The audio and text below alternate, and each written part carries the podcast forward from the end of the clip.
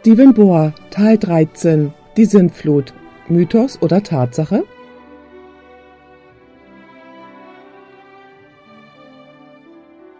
Lass uns beten.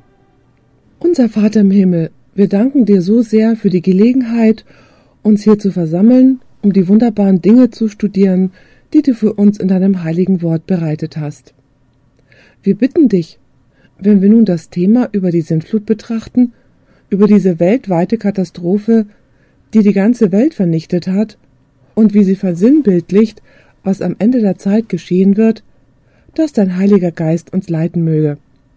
Bringe uns die Lektionen bei, die wir lernen müssen, und wir danken dir, dass du unser Gebet erhörst.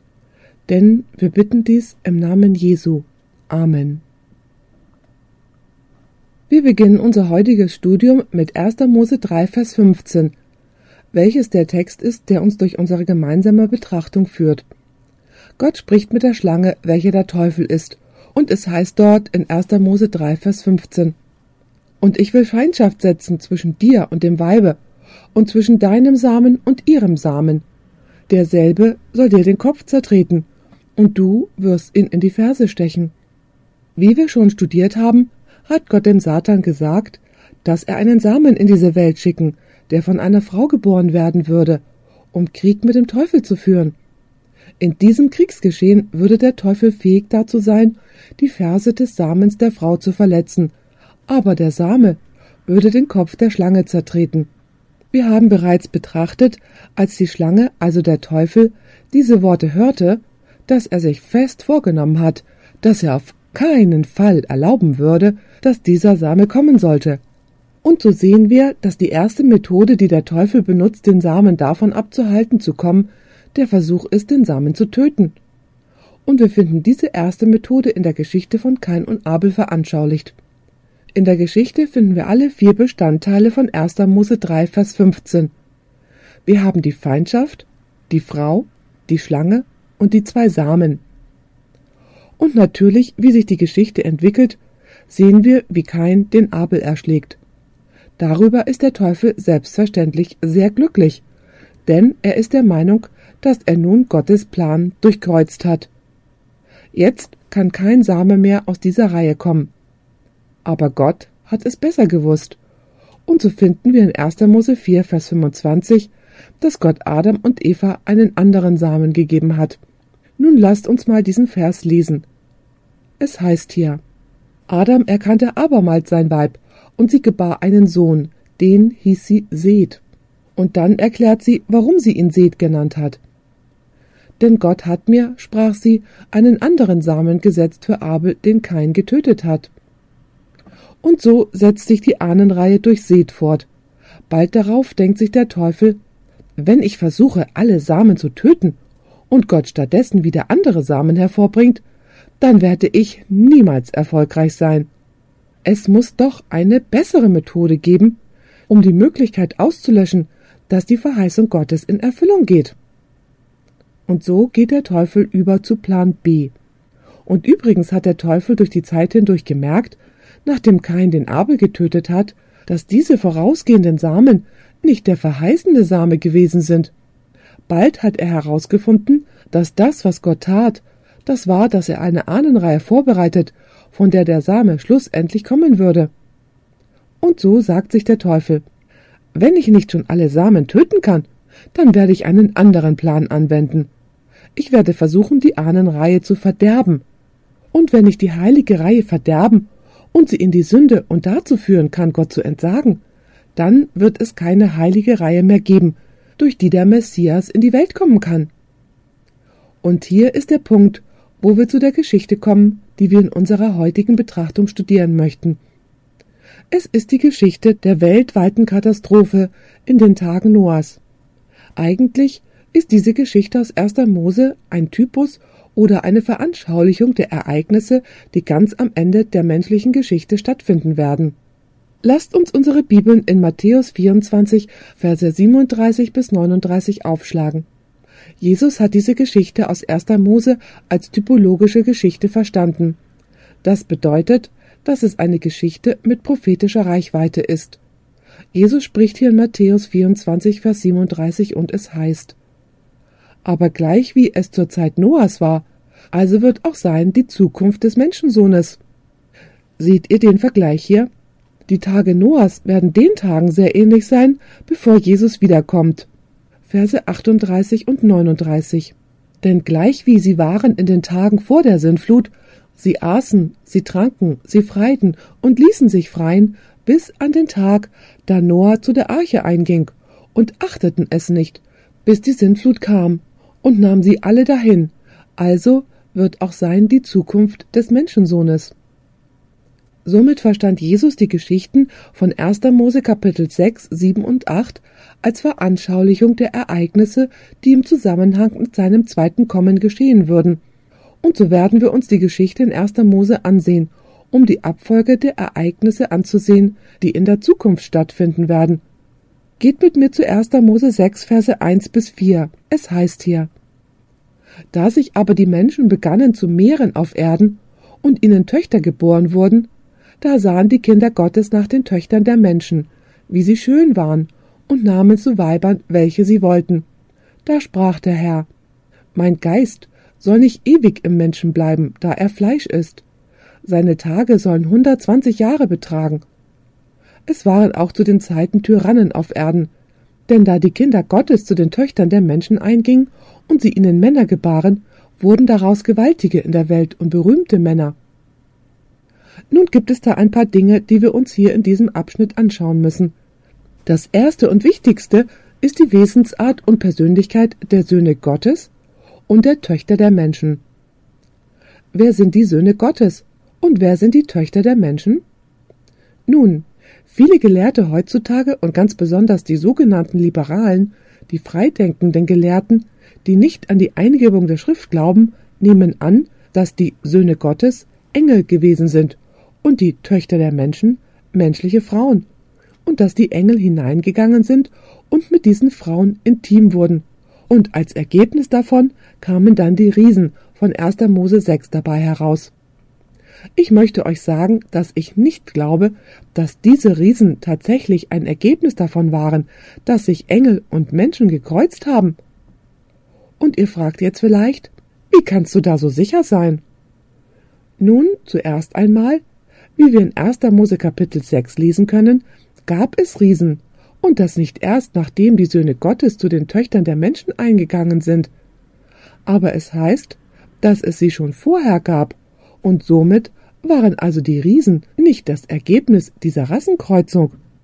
Nun, wer sind diese Söhne Gottes und wer sind die Töchter der Menschen? Ich muss euch sagen, dass die protestantischen Reformatoren Martin Luther, John Calvin usw. So geglaubt haben, dass die Söhne Gottes diejenigen waren, die der heiligen Ahnenreihe angehörten, die von Seth kam, wohingegen die Töchter der Menschen die abtrünnigen bösen Frauen waren, die in der Ahnenreihe von Kain zu finden sind. Nun fragt ihr euch vielleicht, ob es da irgendein biblisches Fundament für diese Anschauung gibt. Ja, das gibt es. Wenn ihr 1. Mose 4, Verse 17 bis 22 betrachtet, dann findet ihr dort die Ahnenreihe von Kain. Darin gibt es drei Frauen, die erwähnt werden. In 1. Mose Kapitel 5 ist die Ahnenreihe von Seth. Und dann steht da in 1. Mose Kapitel 6, Verse 1 bis 4 von den Söhnen Gottes und den Töchtern der Menschen geschrieben. So ist der unmittelbare Zusammenhang zwischen 1. Mose 6 und 1. Mose 4 die Ahnenreihe von Kain und dann in Kapitel 5 die von Seth und die der Söhne Gottes und der Töchter der Menschen.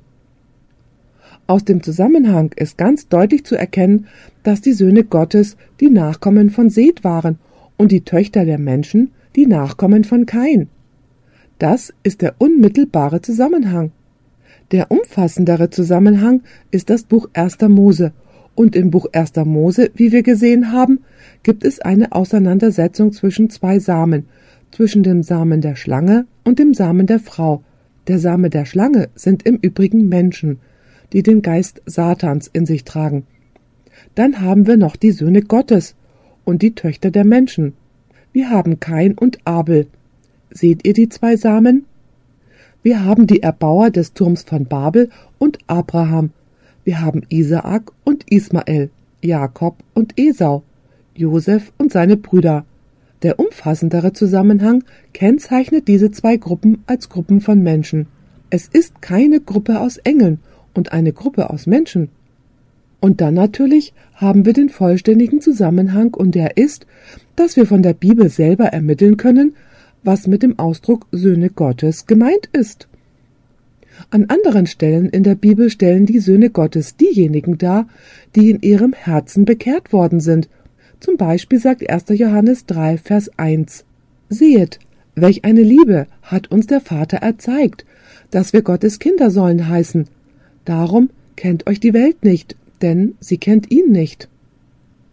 Anmerkung. Im Original Griechischen heißt es sogar Nachkommen Gottes. Anmerkung Ende. Die Söhne Gottes sind diejenigen, die bekehrt wurden. Sie sind diejenigen, die aus der heiligen Ahnenreihe von Seth kommen. So sehen wir, dass der unmittelbare, der umfassendere, der vollständige Zusammenhang der Schrift sowie die großen Theologen durch die christliche Geschichte hindurch es so verstanden haben, dass die Söhne Gottes die Gerechten sind und die Töchter der Menschen die Abtrünnigen. Ich möchte hier nun für einen Moment innehalten und euch diese Frage stellen. Was meint ihr? Wie viele Menschen haben vor der Sintflut auf der Erde gelebt? Tausend? Fünftausend? Fünfzigtausend? Hunderttausend? Eine Million? Ich kann euch versichern, dass es auf dieser Erde am Tag vor der Sintflut Millionen und Abermillionen von Einwohnern gab. Die Bibel erzählt uns, dass die ganze Welt mit Gewalt erfüllt war. Jetzt fragt ihr vielleicht, warum ist das wichtig? Ich werde euch den Grund dafür erklären. 1656 Jahre sind zwischen der Schöpfung und der Sintflut vergangen. 1656 Jahre, in denen es kaum eine Krankheit gab.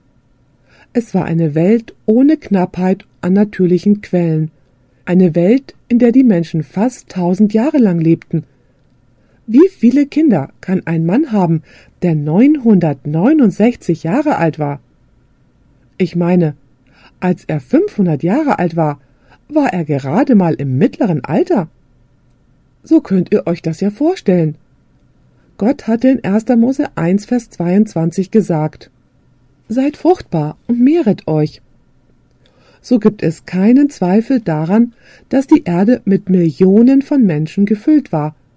Und doch möchte ich, dass ihr einen erschreckenden Gedanken ergreift, dass von all diesen Millionen von Menschen nur acht Menschen Gott treu blieben, als die Sintflut kam. Ich möchte euch was fragen. Was war der Schlachtplan des Teufels in dieser Geschichte? Wir müssen uns einmal anschauen, was sein Schlachtplan war. Er hat mit 1. Mose 3, Vers 15 zu tun. Er sagte sich, es heißt, dass der Same kommen und meinen Kopf zertreten würde. Ich kann es nicht zulassen, dass der Same kommt. Und was macht er dann also? Er vermischt die Gerechten mit den Abtrünnigen in der Hoffnung, dass die Abtrünnigen die Gerechten runterziehen werden und dass es somit keine heilige Ahnenreihe mehr geben würde, aus der der verheißene Messias der Welt kommen könnte. Anders ausgedrückt, die Strategie des Teufels richtet sich nur auf den Samen. Er sagte sich, wenn ich nicht alle Samen töten kann, dann werde ich die heilige Ahnenreihe verderben, und so wird der Messias nicht dazu fähig sein, in diese Welt zu kommen. Und meine Lieben, der Plan des Teufels hätte fast Erfolg gehabt, weil nur acht Menschen übrig waren, die als gerecht erfunden worden sind. In der Tat erzählt uns die Bibel, dass nur ein Mann als gerecht erfunden wurde und seine Familie mitgezogen worden ist. Die Bibel sagt das nicht so, aber sie sagt, dass nur Noah als gerecht und vollkommen vor dem Herrn erfunden wurde – und somit war die Strategie des Teufels, dass er die Gläubigen mit den Ungläubigen vermischt, damit sie ihre Eigenheit verlieren und die heilige Reihe verschwinden würde. Lasst uns nun die Ereignisse betrachten, die sich vor der Sinnflut zugetragen haben. Es gibt so viel mehr, was man über die Söhne Gottes und den Töchtern der Menschen noch sagen könnte. In unserer Vortragsreihe werde ich später noch einen ganzen Vortrag darüber halten. Er hat den Titel Niederträchtiges Verbrechen der Vermischung und wir werden uns eingehend mit den Söhnen Gottes und den Töchtern der Menschen beschäftigen. Aber nun lasst uns die Ereignisse untersuchen, die zu der Sintflut geführt haben. Geht mit mir zu 1. Mose 6, Vers 5. Hier finden wir eine Beschreibung des Zustandes der Bewohner der Welt vor der Sintflut. Im Übrigen, dies ist gleich nachdem es heißt, dass sich die Söhne Gottes mit den Töchtern der Menschen vermischt haben. Und wir werden jetzt in 1. Mose Kapitel 6, Vers 5 darüber lesen, was das Ergebnis davon war. Es heißt hier, Da aber der Herr sah, dass der Menschen Bosheit groß war auf Erden und alles Dichten und Trachten ihres Herzens nur böse war immer da. Ist das nicht eine heftige Beschreibung des moralischen Zustands der Welt? Noch einmal, es heißt hier, da aber der Herr sah, dass der Menschen Bosheit groß war auf Erden und alles Dichten und Trachten ihres Herzens nur böse war immer da. Beachtet die höchste Steigerungsstufe, die wir in diesem Vers finden. Es ist eine sehr, sehr verdorbene Welt. Und als Ergebnis dieser Abtrünnigkeit, der Beweggründe des Herzens, finden wir dies in 1. Mose 6, Verse 11 und 12. Es heißt hier, aber die Erde war verderbt vor Gottes Augen und voll Frevels. Da sah Gott auf die Erde, und siehe, sie war verderbt, denn alles Fleisch hatte seinen Weg verderbt auf Erden. Was für eine heftige Beschreibung des moralischen Zustands der Welt vor der Sintflut. So sagt Gott. Ich bedaure, dass ich diese Welt erschaffen habe. Gott tat es im Herzen weh, und so sagte er, ich werde die Welt zerstören. Aber bevor Gott eine Zerstörung schickt, sendet er auch immer eine Warnungsbotschaft voraus. Gott zerstört niemals eine Zivilisation oder eine Stadt oder einen einzelnen Menschen, ohne zuerst vorab eine Fülle des Lichts zu geben, den Herrn zu erwählen. Und natürlich hat Gott einen Botschafter mit einer Botschaft zu dieser vorsintflutlichen Welt gesandt. Er hieß Noah. Lasst uns die Botschaft in 2. Petrus 2, Vers 5 ansehen, die Noah gebracht hat. Wir erhaschen einen Blick, wie Noah gewesen ist. Es heißt hier, dass Gott hat die frühere Welt nicht verschont, sondern bewahrte allein Noah, den Prediger der Gerechtigkeit, mit sieben anderen, als er die Sinnflut über die Welt der Gottlosen brachte. Wusstet ihr, dass es in 1. Mose nicht heißt, dass Noab gepredigt hat, sondern dass er baute? Aber in 2. Petrus finden wir, dass er predigte. Was hat er gepredigt? Er predigte die Gerechtigkeit. Er hat die Menschen zur Gerechtigkeit aufgerufen. Er rief sie auf, gerecht zu sein, dem Gesetz Gottes zu gehorchen, heilig zu sein und ihre Wege zu ändern. Seht auch Hebräer 11, Vers 7. Dort wird uns eine weitere Beschreibung über Noah gegeben. Es heißt hier, durch den Glauben hat Noah Gott geehrt und die Arche zubereitet zum Heil seines Hauses, da er ein göttliches Wort empfing über das, was man noch nicht sah, und verdammte durch denselben die Welt und hat ererbt die Gerechtigkeit, die durch den Glauben kommt. Meine Lieben, Noah hat keine politisch korrekte Botschaft dargebracht. Es war keine weiche Botschaft. Es war keine Botschaft, dass alles schön und gut ist. Seine Botschaft hat die Menschen zur Buße aufgerufen, um ihre Wege zu ändern.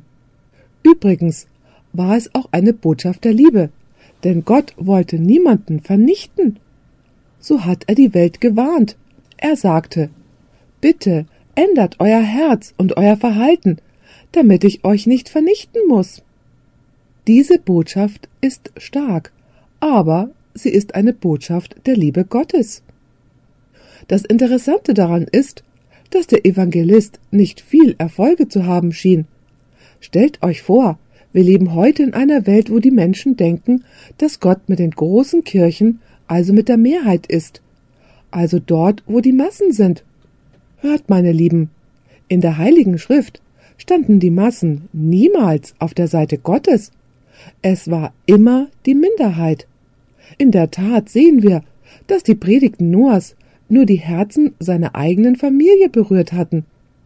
Stellt euch vor, ihr würdet 120 Jahre predigen und als Ergebnis davon wären es nur acht Menschen und die auch noch alle aus eurem eigenen Haushalt. Ich wette, wenn Noah ein Prediger einer Kirche von heute gewesen wäre, dann würde er schon längst entlassen worden sein, weil er keinen Erfolg mit seiner Arbeit hatte. Aber Gott geht nicht nach Zahlen. Gott bittet uns nur, die Botschaft zu predigen, den Samen zu pflanzen, und dann werden sich die Menschen aufgrund dessen, was sie hören, entscheiden. Nun möchte ich, dass ihr euch vorstellt, wie schwierig es für Noah war, diese Botschaft zu predigen. Wusstet ihr, dass es vor der Sinnflut niemals geregnet hatte? Ich möchte, dass ihr ein paar Einzelheiten über diese Welt erfahrt, wie sie vor der Sintflut war und auf welche Art und Weise sie bewässert worden ist. In 1. Mose 2, Verse 5 und 6 heißt es: Und allerlei Bäume auf dem Felde waren noch nicht auf Erden, und allerlei Kraut auf dem Felde waren noch nicht gewachsen, denn Gott der Herr hatte noch nicht regnen lassen auf Erden, und es war kein Mensch, der das Land baute. Aber ein Nebel ging auf von der Erde und feuchtete alles Land. So wurde die Welt eigentlich durch einen Nebel befeuchtet, der vom Boden hochkam. In anderen Worten, Gott hat in die Erde ein automatisches Bewässerungssystem eingebaut. Die Bewässerungsdüsen kamen also hoch, wenn man so sagen kann, und haben die Erde zu gewissen Zeiten des Tages mit Wasser versorgt. Das Wasser kam nicht von oben, sondern das Wasser, das alles befeuchtete, kam von unten herauf. Nun, Woher hatte Gott dieses Wasser dafür? In 1. Mose 1, Vers 2 wird uns gesagt, dass die Erde vor der Schöpfung mit Wasser bedeckt war. So hat Gott dann am zweiten Tag der Schöpfung einen Teil des Wassers genommen und es unter die Erde verlagert. Das sind die Wasserquellen. Und dann hat er einen anderen Teil genommen und es über die Erde verlagert. Das ist das, was 1. Mose die Fenster des Himmels nennt, die zu dieser Zeit geschlossen waren. Aber als die Flut kam, wurden die Fenster des Himmels geöffnet. So heißt es in 1. Mose 7, Vers 11. Da aufbrachen alle Brunnen der großen Tiefe und taten sich auf die Fenster des Himmels. So hat Gott das Wasser für die Sinnflut nicht erfunden. Er hat einfach das Wasser genommen, das sich auf dem Planeten befand, und hat einen Teil unter die Erde und den anderen Teil über die Erde getan. Und so musste Gott für die Sinnflut kein neues Wasser erschaffen, alles, was er tat, war, dass er das Wasser, das er über die Erde verlagerte, durch die Fenster des Himmels herabregnen ließ, und das Wasser, das unter der Erde war, ließ er wieder heraufkommen. 1. Mose 7, Vers 11 nennt es ja die Brunnen der großen Tiefe. Könnt ihr euch vorstellen, wie Noah zu den Menschen predigte und ein Schiff auf trockenem Land baute und sagte, dass Wasser vom Himmel fallen würde obwohl es bis dahin noch niemals geregnet hatte. Ich meine, er muss ja wohl als Geistesgestörter betrachtet worden sein. Ich weiß nicht, warum sie ihn nicht in eine Anstalt für Geisteskranke gesteckt haben, weil er sowas gesagt hat. Stellt euch vor, wie Noah dasteht und predigt. Es wird Wasser vom Himmel fallen und aus der Tiefe der Erde kommen und die ganze Welt mit Wasser bedecken. Deswegen baue ich dieses Schiff. Es war unsinnig, wissenschaftlich und geschichtlich lächerlich, philosophisch unmöglich. Dieser Meinung waren die Menschen vor der Sintflut. Aber Noah vertraute Gottes Wort. Nun möchte ich euch etwas über Glauben erzählen. Es gibt viel Gerede über den Glauben in der heutigen christlichen Welt, und es gibt viele Begriffserklärungen, was Glaube ist. Hört zu, wir müssen es nicht kompliziert machen, was Glaube ist. Glaube ist sehr einfach. Es bedeutet, auf Gottes Wort hin zu handeln. Gott spricht und wir tun, was Gott uns sagt. Gott sagte zu Noah, Noah, ich möchte, dass du ein Schiff baust. Und Noah fragte nicht, wozu denn? Sondern er sagte, okay, ich werde gleich mal damit anfangen. Er hat Gott vertraut, obwohl es noch niemals geregnet hatte. Er sagte, ich glaube, dass das, was Gott sagt, wahr ist, denn ich glaube an sein Wort. Es ist Zeit, das Schiff zu bauen. Und wenn ihr euch die ganzen anderen Glaubenshelden aus Hebräer 11 anschaut, dann werdet ihr sehen, wie sie gehandelt haben. Alle handelten aufgrund dessen, was Gott gesagt hat. Gott sagte zu Mose, zieh mit Israel aus Ägypten. Und er zog aus. Gott sagte zu Abraham, zieh aus seinem Land und geh nach Kanaan. Und Abraham sagte, lass uns alles zusammenpacken und losgehen. Gott sagte zu Sarah und Abraham, ihr werdet noch ein Kind in eurem hohen Alter bekommen. Und so sagte Abraham zu Sarah, es wird Zeit, dass wir intim werden, denn wir glauben, was Gott sagt. Versteht ihr, was ich sage? Noah zeigte seinen Glauben nicht nur durch Worte, aber er zeigte ihn durch was? Durch seine Taten, und er hat alles für diese Arche eingesetzt. Er hat seine Zeit dafür eingesetzt, seine Talente, sein Geld und all seine Kraft. Er hat sich nicht ablenken lassen, und es gab auch nichts daneben, dem er seine Zeit und Kraft gewidmet hätte. Er richtete seinen Blick nur auf diese eine Sache. Er sagte sich Eine Flut wird kommen, und ich muss alles für die Ehre und Verherrlichung Gottes einsetzen, was ich bin und habe. Er war anders als der Rest der Bevölkerung. Übrigens, die Botschaft von Noah wurde von der Kraft des Heiligen Geistes begleitet. Schlagt mit mir 1. Mose 6, Vers 3 auf. Hier spricht Gott, und es heißt, Da sprach der Herr, Mein Geist soll nicht ewig im Menschen bleiben, da er Fleisch ist. Seine Tage sollen hundertzwanzig Jahre betragen. Was hat der Heilige Geist getan, als Noah die Botschaft verkündigt hat? Er hat diese Botschaft begleitet. Er bemühte sich um die Herzen der Menschen und hat ihnen gesagt Ändert eure Wege, ändert euer Verhalten, nehmt den Herrn an, denn Gott will nicht, dass ihr vernichtet werdet. Und seine Botschaft war erfüllt mit der Kraft des Heiligen Geistes. Aber der Moment kam, als die 120 Jahre fast abgelaufen waren. Noah stand nun in der Tür der Arche und plötzlich begann etwas Merkwürdiges zu geschehen. Von überall her fingen die Tiere an, auf die Arche jeweils in Paaren zuzugehen. Und übrigens, das war nicht so wie in dieser Hollywood-Version. Da haben nämlich Noah und seine Söhne die Tiere mit dem Lasso eingefangen und haben sie bis in die Arche hineingezogen und gezerrt. Nein, nein, so war das nicht. Geht mit mir zu 1. Mose Kapitel 7. Dort wird uns erzählt, dass Noah in der Arche war und die Tiere von allein in die Arche gegangen sind. 1. Mose 7, Verse 8 und 9. Es heißt hier, von dem reinen Vieh und von dem Vieh, das nicht rein war, und von den Vögeln und von allem, was auf dem Erdboden kriecht, gingen Männchen und Weibchen paarweise zu Noah in die Arche, wie Gott es dem Noah geboten hatte. Sie sind zu Noah hineingegangen. Und wisst ihr was? Ich denke, Gott hat uns die Beschreibung der Tiere gegeben, weil er uns zeigen wollte, dass diejenigen, die vor der Sintflut gelebt haben, sogar schon auf ein Niveau herabgesunken sind, das unterhalb der Tiere lag. Denn die Tiere hörten auf die Stimme Gottes und sie waren ihr gehorsam. Und die Menschen, obwohl Gott zu ihnen durch die Kraft des Heiligen Geistes sprach, haben die Stimme Gottes verworfen. Anders ausgedrückt, die wilden Tiere hatten mehr Sinn und Verstand als die Menschen. Und dann, als alle Tiere in der Arche waren, steht Noah an der Tür und macht einen letzten Aufruf.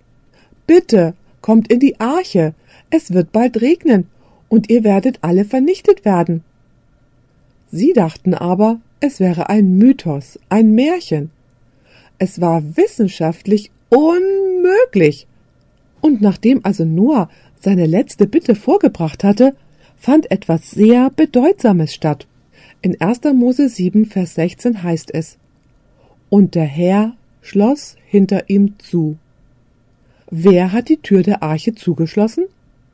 Die Tür der Arche wurde von Gott geschlossen. Gott hat die Gnadentür für die vorsintflutliche Rasse der Menschen geschlossen.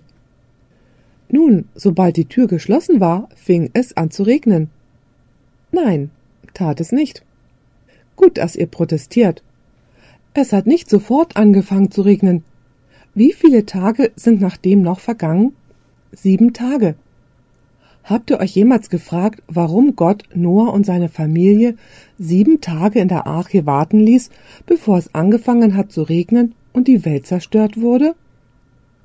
Meint ihr, dass der Glaube von Noah und seiner Familie aufs äußerste in dieser Arche geprüft worden ist? So ist es. Der erste Tag vergeht, dann der zweite, der dritte, der vierte, kein Regen und immer noch kein Regen. Vielleicht haben Noah und seine Familie gedacht, wow, was, wenn wir uns geirrt haben? Vielleicht hat uns Gott verlassen. Ihr Glaube wurde aufs äußerste geprüft. Was meint ihr, wie die Leute draußen sich wohl gefühlt haben, als die Tage so vergingen? Hört euch das an. Hört diese verrückten Menschen da drin. Könnt ihr die Tiere hören? Noah ist verrückt. Seht, fünf Tage sind vergangen und es gibt gar keinen Regen. Wir vergnügen uns hier draußen und die sind da drin mit all den Tieren. Und jeden Tag wurden sie kampflustiger. Diese sieben Tage der Prüfung wurden zum Triumph für die Gottlosen und sie wurden zur Prüfung für die Gerechten. Aber früh am letzten Morgen, am Tag Nummer sieben, erschien plötzlich etwas am Himmel, was die Menschen bisher noch nicht gesehen hatten. Wolken. Und plötzlich hören sie Geräusche, die sie bisher noch nicht gehört hatten. Donner. Und dann sehen sie, wie Licht über den Himmel zuckt, was sie auch noch niemals gesehen hatten. Blitze. Und plötzlich fühlen sie, wie Wassertropfen auf ihren Kopf fallen. Was meint ihr, wie sie sich da wohl gefühlt haben? Das Herz muss ihnen in die Hosentasche gerutscht sein.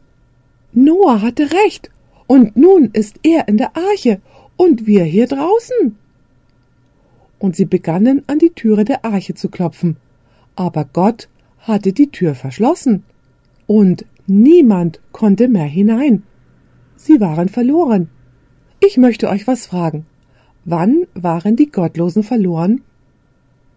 Als die Tür geschlossen wurde oder als es anfing zu regnen?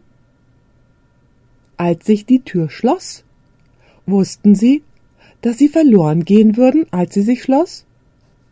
Nein. Bis wann wussten sie es nicht?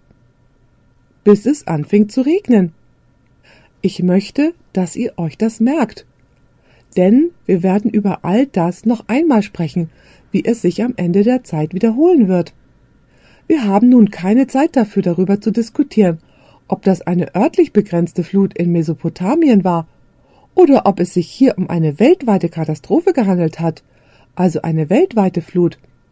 Es ist nämlich heutzutage schon für sogenannte Gelehrte allgemein geworden zu sagen, dass die Sinnflut, die in erster Mose beschrieben wurde, nur eine örtliche Flut war.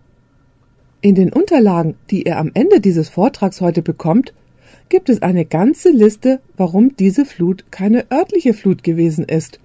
Es war eine weltumspannende Katastrophe. In der Tat, wusstet ihr, dass es im Neuen Testament zwei griechische Worte für das Wort Flut gibt? Das eine ist das Wort für eine ganz normale Flut. Es ist Patamos. Zum Beispiel, als Jesus das Gleichnis von dem Mann erzählte, der sein Haus auf dem Felsen gebaut hat, und dann kam die Flut. Der andere Mann hatte sein Haus auf dem Sand gebaut, und dann kam die Flut. Das Wort, das dort für Flut gebraucht wird, ist Patamos. Aber es gibt ein besonderes Wort, das für die Flut in den Tagen Noahs gebraucht wird, und es wird auch für keinerlei andere Flut benutzt. Es ist das griechische Wort Kataklusteis. Welches Wort erhalten wir von dem Wort Kataklusteis? Das Wort Kataklysmus. Und übrigens wird die Flut aus den Tagen Noahs im Originalgriechischen in 2. Petrus 3, Vers 6 ein weltweiter Kataklysmus genannt. Es war also eine weltweite Katastrophe. Nun stellt sich die Frage, was ist mit Satan während der Sintflut geschehen? Nun, das Lehrbuch, das wir auch schon in diesem Seminar nebst der Bibel gebrauchen, ist das Buch Patriarchen und Propheten, das die Geschichte zum größten Teil aus dem Alten Testament erzählt. Und ich möchte, dass ihr beachtet, was die Autorin auf Seite 76 sagt. Satan selbst, der gezwungen war, inmitten der tobenden Elemente zu bleiben, fürchtete um seine eigene Existenz. Anders ausgedrückt, er war dazu verpflichtet, auf dem Planeten Erde während dieser Katastrophe zu verbleiben. Und übrigens, wurden alle Gottlosen von der Sintflut ausgelöscht? So ist es. Und als Noah und seine Familie aus der Arche kamen, war die ganze Welt von den Gottlosen gereinigt. Übrigens war der Teufel während dieser ganzen Zeit gebunden, denn es gab keine gottlosen Menschen mehr, die er benutzen konnte. Er war während der Flut gebunden, weil er sich in einer Welt befand, die in einem chaotischen Zustand war. Und was war mit all seinen Nachfolgern? Sie waren alle tot. Und er war dazu verpflichtet, auf dem Planeten Erde zu verbleiben. Übrigens, als die Flut kam, wie viele Gruppen von Menschen gab es da? Es gab zwei Gruppen. Geht mit mir nun zu 1. Mose Kapitel 7. Wir kommen hier drauf zurück, wenn wir uns mit dem Neuen Testament beschäftigen. 1. Mose 7, Vers 22 und 23. Es heißt hier, alles, was einen lebendigen Odem hatte auf dem Trockenen, das starb. Also ward vertilgt alles, was auf dem Erdboden war, vom Menschen an bis auf das Vieh und das Gewürm und auf die Vögel unter dem Himmel. Das war alles von der Erde vertilgt, Allein Noah blieb übrig und was mit ihm in der Arche war. Ich möchte, dass ihr euch an dieses Wort übrig erinnert. Allein Noah blieb übrig und was mit ihm in der Arche war. Und was ist mit dem ganzen Rest geschehen? Er ist vernichtet worden. Somit sind die Gottlosen vertilgt worden. Nur Noah und seine Familie waren übrig. Jetzt fragt ihr vielleicht, warum ist das so wichtig? Nun, das werden wir gleich mal sehen. Habt ihr verstanden, was zur Zeit der Sintflut geschehen ist? Ich möchte euch was fragen. Können wir die gleiche Abfolge der Ereignisse am Ende der Zeit erwarten? Jesus hat in Lukas 17, Vers 26 gesagt, Und wie es geschah zu den Zeiten Noahs, so wird es auch geschehen in den Tagen des Menschensohnes. Normalerweise, wenn die Leute die Sintflut studieren, sagen sie, Oh ja, diese Welt wird am Ende so gottlos sein, wie in den Tagen Noahs, und Gott wird die Welt wegen dieser Gottlosigkeit genauso vernichten, wie er es in den Tagen Noahs gemacht hat. Aber lasst mich euch sagen, die Parallele ist viel größer, als dass nur die Gottlosigkeit ähnlich ist. Es gibt eine ganze Abfolge von gleichen Ereignissen, die damals stattgefunden haben und die wieder stattfinden werden. Geht mit mir nochmal zu Matthäus 24, Verse 37 bis 40. Wir haben diese Verse schon einmal gelesen. Jesus spricht hier von der Sinnflut in den Tagen Noahs und er sagt folgendes. Aber gleich wie es zur Zeit Noahs war, also wird auch sein die Zukunft des Menschensohnes. Denn gleich wie sie waren in den Tagen vor der Sinnflut, sie aßen, sie tranken, sie freiten und ließen sich freien, Übrigens, das bedeutet, das Leben und die Geschäfte gingen weiter wie gewöhnlich. Und nun beachtet ein sehr wichtiges Wort. Bis an den Tag, da Noah zu der Arche einging. Das erste bis kennzeichnet den Moment, als Noah und seine Familie in die Arche gingen. Aber nun beachtet Vers 39. Und achteten es nicht bis, hier ist das zweite bis, bis die Sintflut kam und nahm sie alle dahin.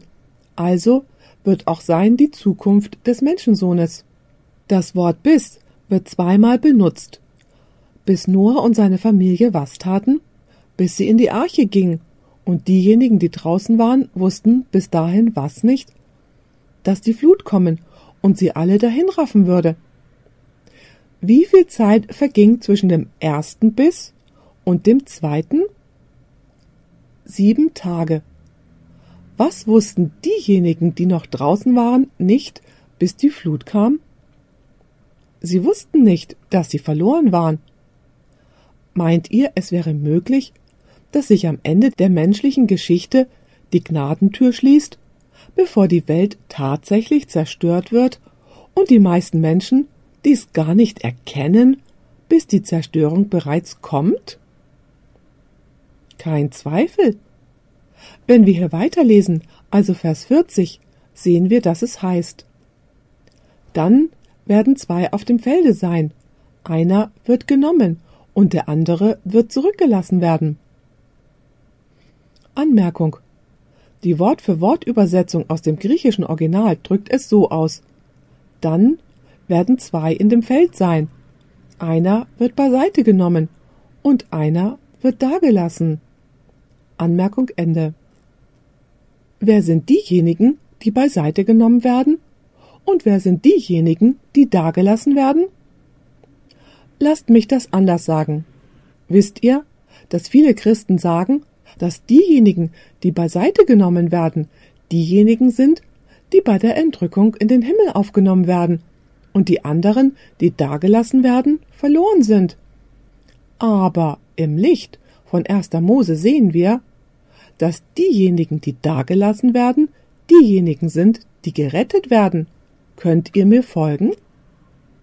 Und diejenigen, die beiseite genommen werden, diejenigen sind, die vernichtet werden. Es heißt, dass die Flut kam und sie alle dahin nahm. Die Gottlosen werden dahingenommen und die Gerechten werden dagelassen werden. Sie werden am Leben gelassen. Anders ausgedrückt, sie überleben. Ist das deutlich geworden? Lasst uns nun ein paar andere interessante Parallelen anschauen.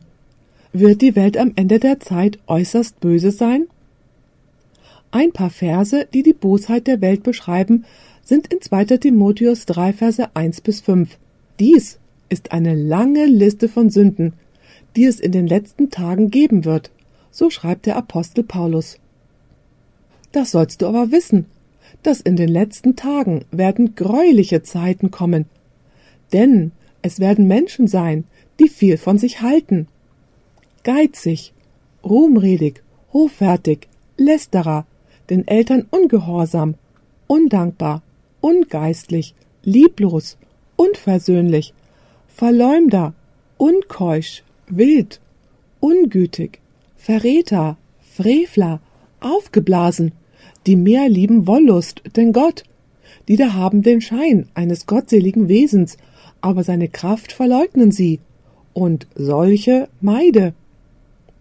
Selbstliebe ist die Wurzel aller Sünde. Dies sind allerlei Sünden, die begangen werden, und hört gut zu. Diese Sünden werden nicht nur von weltlich gesinnten Menschen begangen, sondern von Menschen, die bekennen, Gott zu dienen denn, wie es heißt, haben sie ein gottseliges Wesen. Was aber hat die Christen in diesem Zustand geführt? Nun, was passierte vor der Sinnflut? Was aber hat die Christen in diesem Zustand geführt? Nun, was passierte vor der Sinnflut? Die Söhne Gottes haben sich mit wem vermischt? Mit den Töchtern der Menschen, die Gerechten mit den Gottlosen. Und lasst mich euch was sagen. Wenn sich die Gerechten und die Gottlosen vereinen, dann bekehren die Gerechten sehr selten die Gottlosen. Normalerweise ziehen die Gottlosen die Gerechten hinter sich her. Und so wird die Welt mit Gottlosigkeit und Bosheit erfüllt sein, weil Christen sich mit der Welt verbunden haben. Darum hat der Apostel Paulus in 2. Korinther 6, Vers 14 gesagt, Ziehet nicht am fremden Joch mit den Ungläubigen, denn was hat die Gerechtigkeit zu schaffen mit der Ungerechtigkeit?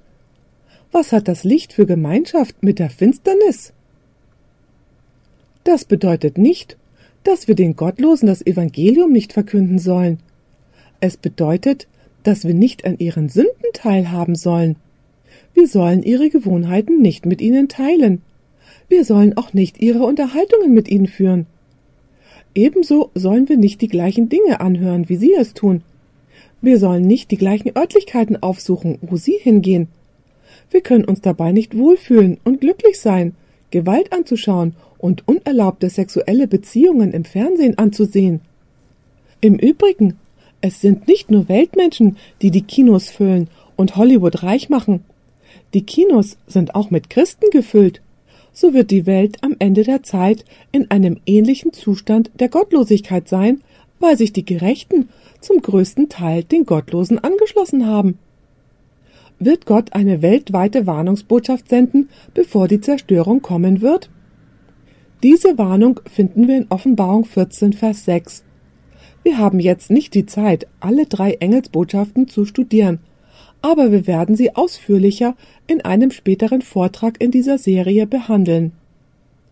Es heißt hier also in Offenbarung 14, Verse 6 und 7. Und ich sah einen Engel fliegen mitten durch den Himmel. Der hatte ein ewiges Evangelium zu verkündigen denen, die auf Erden wohnen, und allen Heiden und Geschlechtern und Sprachen und Völkern. Ist das eine weltweite Botschaft?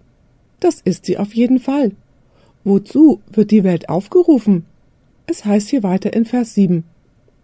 Und sprach mit großer Stimme, fürchtet Gott.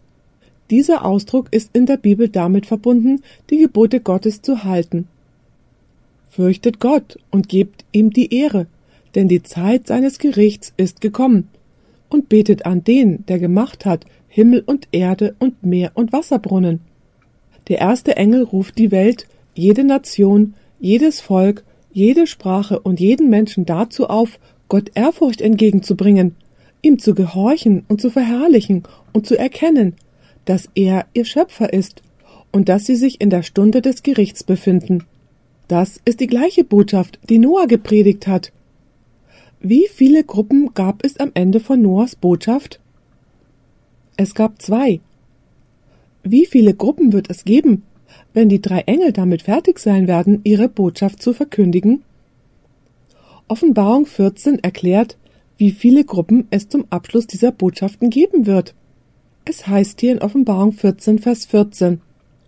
Und ich sah und siehe eine weiße Wolke, und auf der Wolke saß einer, der gleich war eines Menschen Sohn, der hatte eine goldene Krone auf seinem Haupt und in seiner Hand eine scharfe Sichel.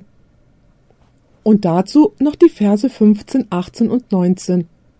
Und ein anderer Engel ging aus dem Tempel und rief mit großer Stimme zu dem, der auf der Wolke saß. Schlag an mit deiner Sichel und ernte, denn die Zeit zu ernten ist gekommen. Verse 18 und 19. Schlag an mit deiner scharfen Sichel und schneide die Trauben vom Weinstock der Erde, denn seine Beeren sind reif. Und der Engel schlug an mit seiner Sichel an die Erde und schnitt die Trauben der Erde und warf sie in die große Kälte des Zornes Gottes. Er wird die Welt ernten, er wird die Ernte der Erde einbringen, welches die Gerechten sind, und er wird die Trauben der Welt ernten, was die Gottlosen sind. Was macht diese Endzeitbotschaft? Sie spaltet die Welt in zwei Gruppen, genauso wie in den Tagen Noahs. Ich möchte euch nun fragen, wird die Endzeitbotschaft von der Kraft des Heiligen Geistes begleitet sein? Kein Zweifel. Ihr fragt vielleicht, wie können wir das wissen? Das, was das Korn zur Zeit der Bibel hat reifen lassen, war der Spätregen. Und der Regen, sowie der Spätregen, versinnbildlicht den Heiligen Geist. Ihr habt in Vers 14 gesehen, dass uns gesagt wird, dass die Welt reif für die Ernte ist und auch die Trauben sind reif. Die Frage ist nun, was hat sie reifen lassen? Die dreifache Engelsbotschaft, die durch was begleitet wurde? Vom Regen, vom Spätregen des Heiligen Geistes. Wird sich die Gnadentür für die Welt schließen, bevor Jesus kommt? Lest mit mir Matthäus 25. Dies ist das berühmte Gleichnis von den zehn Jungfrauen, eines der besser bekannten Gleichnisse Jesu. Matthäus 25, Vers 10. Es heißt hier, Und da sie hingingen zu kaufen, kam der Bräutigam, und die bereit waren, gingen mit ihm hinein zur Hochzeit, und die Tür ward verschlossen. Gab es da auch eine verschlossene Tür in den Tagen Noahs? Wer hat sie verschlossen? Gott hat das getan. Wird es auch eine verschlossene Tür am Ende der Zeit geben? Ja. Und im Übrigen, die verschlossene Tür wird nicht dann sein, wenn die Zerstörung kommt, denn nachdem die Tür verschlossen ist, kommen die Jungfrauen ja zurück, und sie klopfen an der Tür und sagen Lass uns ein. Sie hatten Zeit hinzugehen, um sich Öl zu kaufen und zurückzukommen. Die Gnadenzeit für die Welt wird nicht geschlossen werden, bevor die Zerstörung tatsächlich kommen wird. In der Tat wird Gott eine furchterregende Verkündigung machen. Diese finden wir in Offenbarung 22, Vers 11. Beachtet, was Gott sagen wird, wenn sich die Gnadentür einst schließt. Wer böse ist, der sei fernerhin böse, und wer unrein ist, der sei fernerhin unrein, aber wer fromm ist, der sei fernerhin fromm, und wer heilig ist, der sei fernerhin heilig. Und gleich im nächsten Vers sagt Jesus, siehe, ich komme bald und mein Lohn mit mir, zu geben einem jeglichen, wie seine Werke sein werden. Seht ihr, dass sich die Gnadentür erst schließt, bevor Jesus tatsächlich kommt? Die Unreinen bleiben weiterhin unrein. Die Ungerechten werden weiterhin ungerecht sein, und die Heiligen werden weiterhin heilig sein, ebenso die Gerechten. Sie werden weiterhin gerecht sein. Anders ausgedrückt, wenn sich die Gnadentür schließt, wird es nur zwei Gruppen von Menschen geben. Und wenn die Zerstörung kommt, dann wird Gottes Volk verschont und die Gottlosen vernichtet werden. Wird es eine Zeit der Trübsal für Gottes Volk geben, nachdem sich die Tür geschlossen hat? Schlagt mit mir dazu Matthäus 24 auf. Übrigens, hier gibt Jesus die Zeichen seines zweiten Kommens, und somit können wir sie mit der Geschichte von Noah verbinden. Aber gleich wie es zur Zeit Noahs war, so wird auch sein die Zukunft des Menschensohnes. Schlagt mit mir nun Matthäus 24, Vers 15 bis 22 auf. Hier heißt es, Wenn ihr nun sehen werdet den Gräuel der Verwüstung, davon gesagt ist durch den Propheten Daniel, dass er steht an der heiligen Stätte, wer das liest, der merke darauf. Alsdann fliehe auf die Berge, wer im jüdischen Lande ist, und wer auf dem Dach ist, der steige nicht hernieder, etwas aus seinem Hause zu holen. Und wer auf dem Felde ist, der kehre nicht um, seine Kleider zu holen. Weh aber den Schwangeren und Säugenden zu der Zeit. Bittet aber, dass eure Flucht nicht geschehe im Winter oder am Sabbat. Und nun hört euch dies an. Denn es wird alsbald eine große Trübsal sein, wie nicht gewesen ist von Anfang der Welt her und wie auch nicht werden wird. Und wo diese Tage nicht verkürzt würden, so würde kein Mensch selig. Aber um der Auserwählten willen werden die Tage verkürzt. Es wird eine schreckliche Zeit der Trübsal, der Drangsal über diese Welt kommen. Wird Gottes Volk sicher und wohlauf sein? Ja, das wird es. Wird ihr Glaube aufs äußerste geprüft werden? Ja, das wird er. Was wird mit den Gottlosen in dieser Zeit geschehen? Werden sie mehr und mehr angriffslustig werden? Werden sie Gottes Volk gegenüber immer mehr gewalttätig werden? Das Buch der Offenbarung sagt uns, dass sie sogar das Todesurteil über Gottes Volk verhängen werden. Wir werden darüber noch ein wenig später in unserem Seminar sprechen. Somit wird es eine Zeit der Trübsal geben, nachdem sich die Gnadentür für die Menschen geschlossen hat. Und dann wird natürlich die Katastrophe kommen. Und wusstet ihr, dass diese Welt in den Zustand versetzt wird, in der sie vor der Schöpfung und zur Zeit der Sintflut war? Erinnert ihr euch, dass es in 1. Mose 1, Vers 2 heißt? Und die Erde war wüst und leer. Nun geht mit mir zu Jeremia 4. Hier wird das zweite Kommen Christi beschrieben und was passiert, wenn Jesus kommt. Es spricht hier davon, dass Gott sprach und die Posaunen zu hören waren, genauso wie es sein wird, wenn Jesus wiederkommt. Und dann heißt es in Jeremia 4, Vers 23. Ich schaute das Land an, siehe, das war wüst und öde, und der Himmel, und er war finster. Wird diese Welt in den Zustand zurückkehren, in der sie vor der Zeit der Sintflut war? wird sie wieder so werden wie vor der Schöpfung, als sie ganz und gar mit Wasser bedeckt war? Ja, es wird genauso ausgedrückt, wüst und öde. Wo wird sich Satan während dieser Zeit befinden? Wo war er während der Sintflut? Auf der Erde. Er war gezwungen, dort zu bleiben. Wie viele Anhänger hatte er? Keine. Was geschieht also mit dem Teufel, wenn Jesus kommt, wenn die Erde wüst und leer und in Dunkelheit gehüllt sein wird? Offenbarung 20, Verse 1 und 2 sagen uns, was mit ihm passieren wird. Und ich sah einen Engel vom Himmel fahren, der hatte den Schlüssel zum Abgrund und eine große Kette in seiner Hand. Und er griff den Drachen, die alte Schlange, welcher ist der Teufel und Satan, und band ihn tausend Jahre. Der Teufel wird angekettet oder an diese Welt gebunden sein, so wie sie in ihrem wüsten und leeren Zustand sein wird. Wie viele von seinen Anhängern werden noch leben? Niemand. Denn der Rest der Menschen wird gemäß Offenbarung 20, Vers 5 tot sein. So heißt es. Die anderen Toten aber wurden nicht wieder lebendig, bis das tausend Jahre vollendet wurden. Die anderen Toten sind die Gottlosen, und sie werden nicht wieder lebendig werden, bis die tausend Jahre vorüber sind. Seht ihr die Parallelen, die wir in diesen beiden Geschichten finden? Nicht nur sind die Gottlosigkeit und die Zerstörung das gleiche, es gibt eine ganze Abfolge von Ereignissen, die sich sehr ähnlich sind.